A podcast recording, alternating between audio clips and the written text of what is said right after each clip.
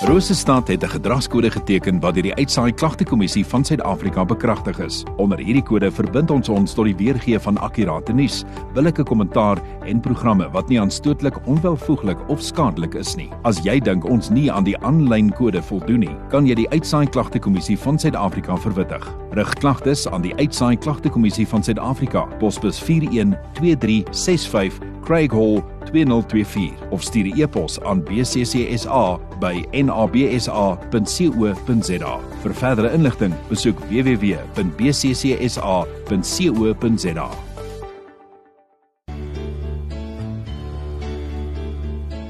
Tyd vir oggendgodsdiens op 100.6 FM. Baie baie lekker uh prof Lides later gaan van die NG gemeente Bloemhewel wat uh, dan al die hele week by ons kuier en uh, ook 'n reeks behandel. Ehm um, so al van maandag se kant af, die gaan aanhou tot die by Sondag. So as jy uitgemis het op die begin van die reeks, kan jy uh, altyd gaan terugluister op roosestad.co.za. Die uh, potgoeie is daar beskikbaar. Prof, welkom terug in die ateljee. Goeiemôre Saul, baie dankie. Dis aangenaam om hier te wees en dis lekker om julle te sien. Ek sê ook sommer goeiemôre aan Ilde. Môre môre. As ons bietjie kyk na die na die reeks, ehm um, vir die ouens wat nie weet nie, wat dalk miskien vandag vir die eerste keer luister, kan jy vir ons so in 'n neutedop net 'n idee gee uh waar jy dan nou gepraat het die afgelope week. Saul, kom ons vat dit saam in drie sinne. Ons is besig met die boek Deuteronomium. Dis 'n ou geskrif en ons vra wat is die betekenis daarvan vir vandag? Die eerste betekenis God se verlossing. Die tweede betekenis is hoe ons uit dankbaarheid voor hom lewe en dan die derde betekenis is hoe lewe ons teenoor mekaar? En vanoggend gaan ons nog 'n keer kyk na hoe leef ons teenoor mekaar en as die luisteraars solank hulle Bybels wil oopslaan by Deuteronomium 2 maar hulle kan dalk ook by Numeri 20 hulle vinger net hou.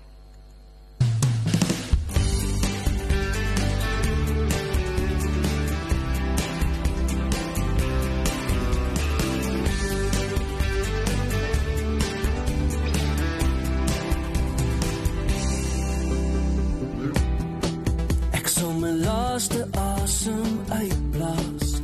In note solank ek lewe haleluja sing my siel sing haleluja al wat hoop het is hoop wat hoor kyk. As mense want selfs die hoogste diepste denker sal so stof Wel geluksalig gesê waar die God van Jakob pas op het. Wie so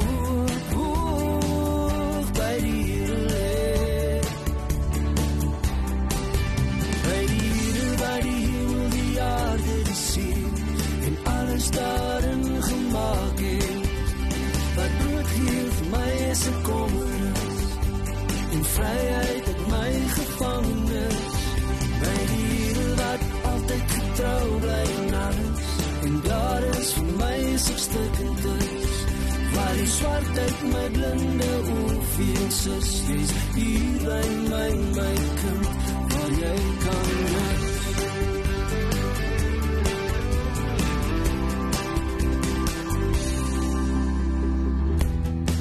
Here is lief vir die wat luister en hom volg. Solank ek lewe haleluja sing my siel sing haleluja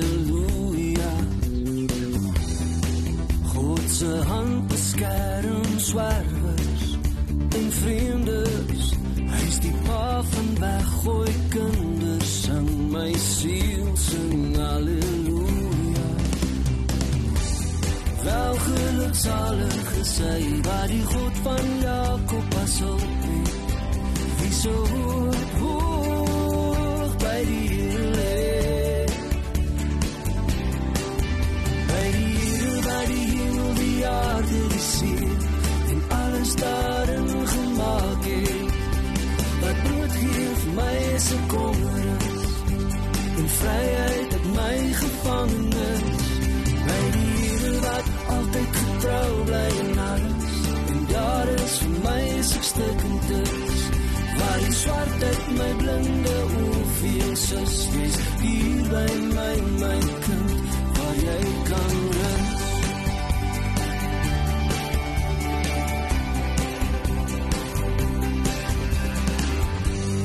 Wel geluk sal hy waar die God van Jakob pas op het. Wie se hoop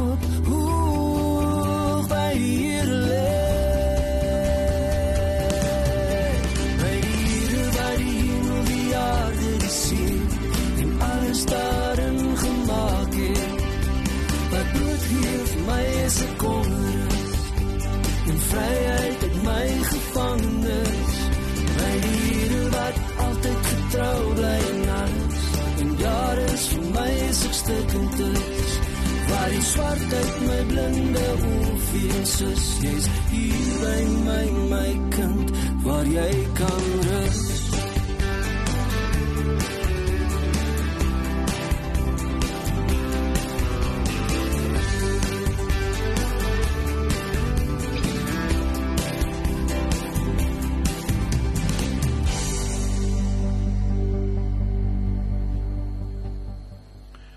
Goeiemôre liewe luisteraars.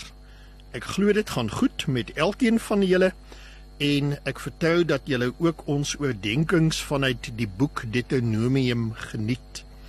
Vanoggend gaan ons stil staan by, uh, by Deuteronomium 2.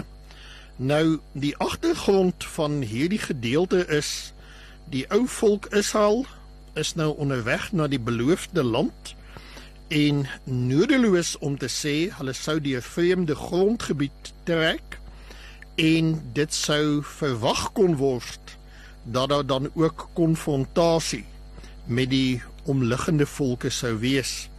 Nou vanoggend wil ek nie die kollig laat val op oorlog nie, maar eerder 'n ander les wat ons uit hierdie verhaal kan lees.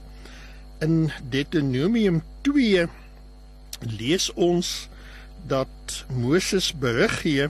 Dit begin deur te sê ons het deur die woestyn getrek al met die Rietsee pad soos die Here ons beveel het. Dit het ons lank gevat om by Seerberg te trek. Toe die Here vir my gesê, "Julle het nou ver genoeg om hierdie berg getrek. Daai nou noord en sê vir die volk: Julle staan op die punt om deur die gebied te trek van julle broers, die nageslag van Esau wat in Seir woon. Hulle is bang vir julle. Maar julle moet julle bedwing. Moenie oorlog teen hulle maak nie, want ek sal nie van hulle grond vir julle gee nie.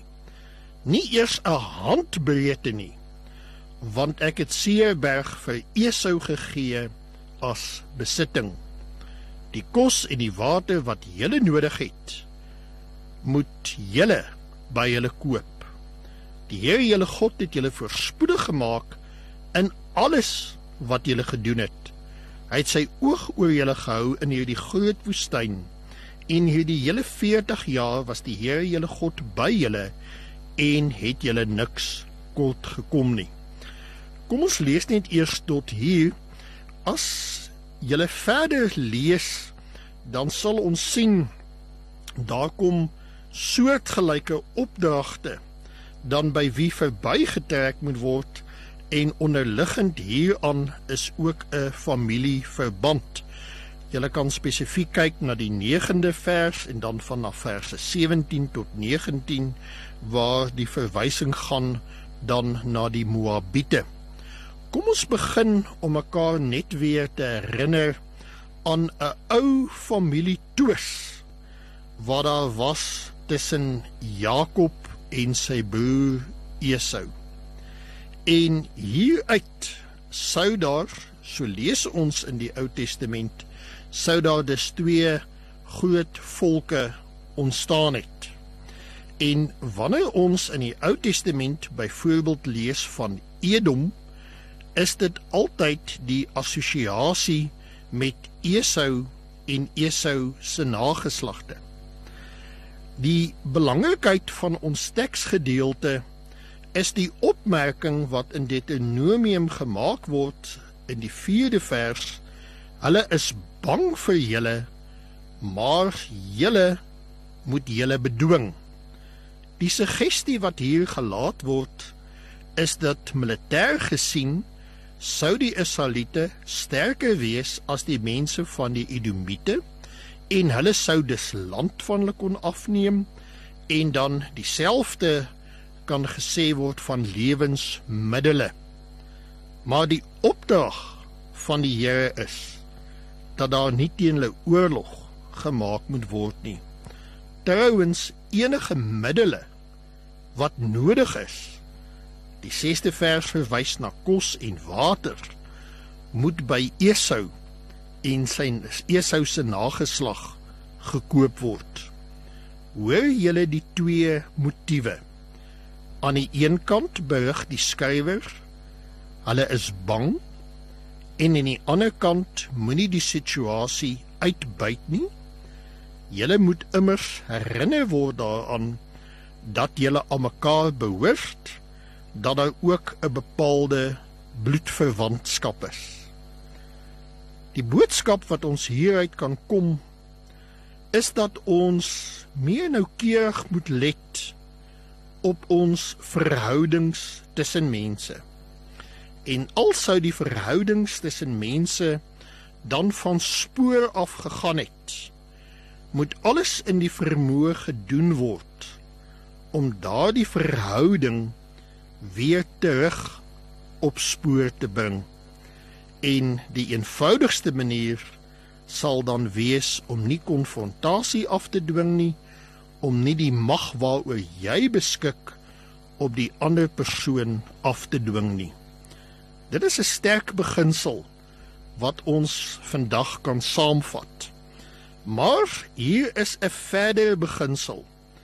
Liewe luisteraars, julle sal ook onthou dat ons gelees het van hoe die Here by die volk was en die seën wat hy oor hulle uitgespreek het.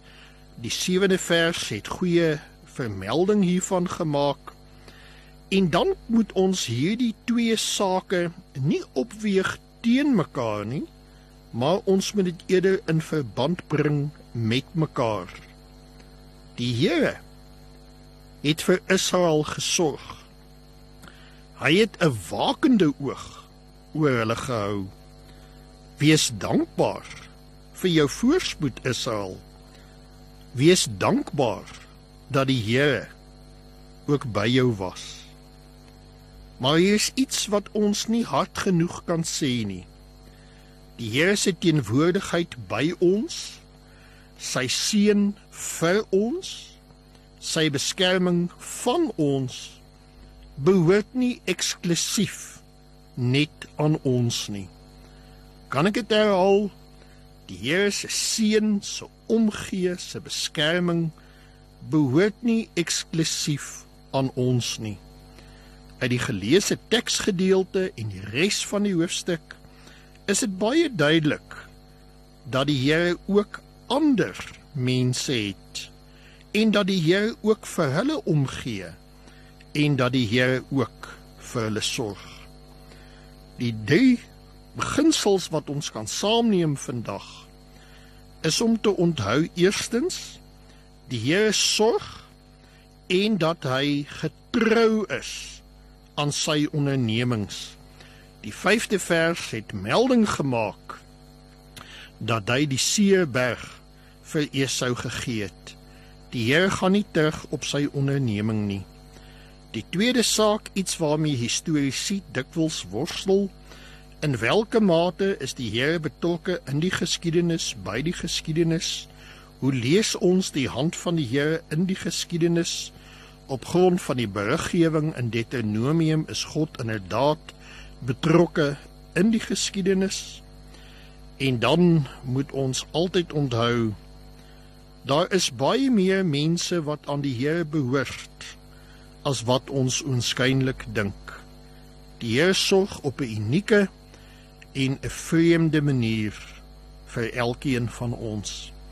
Met dit gesê, sal julle ook onthou ek het in die begin gesê, julle kan julle vingerpunt net hou op die uh, op uh, net uh, nummer 20. Nou hier kry ons vanaf die 14de vers 'n soortgelyke verhaal. Maar daar is die klem anders.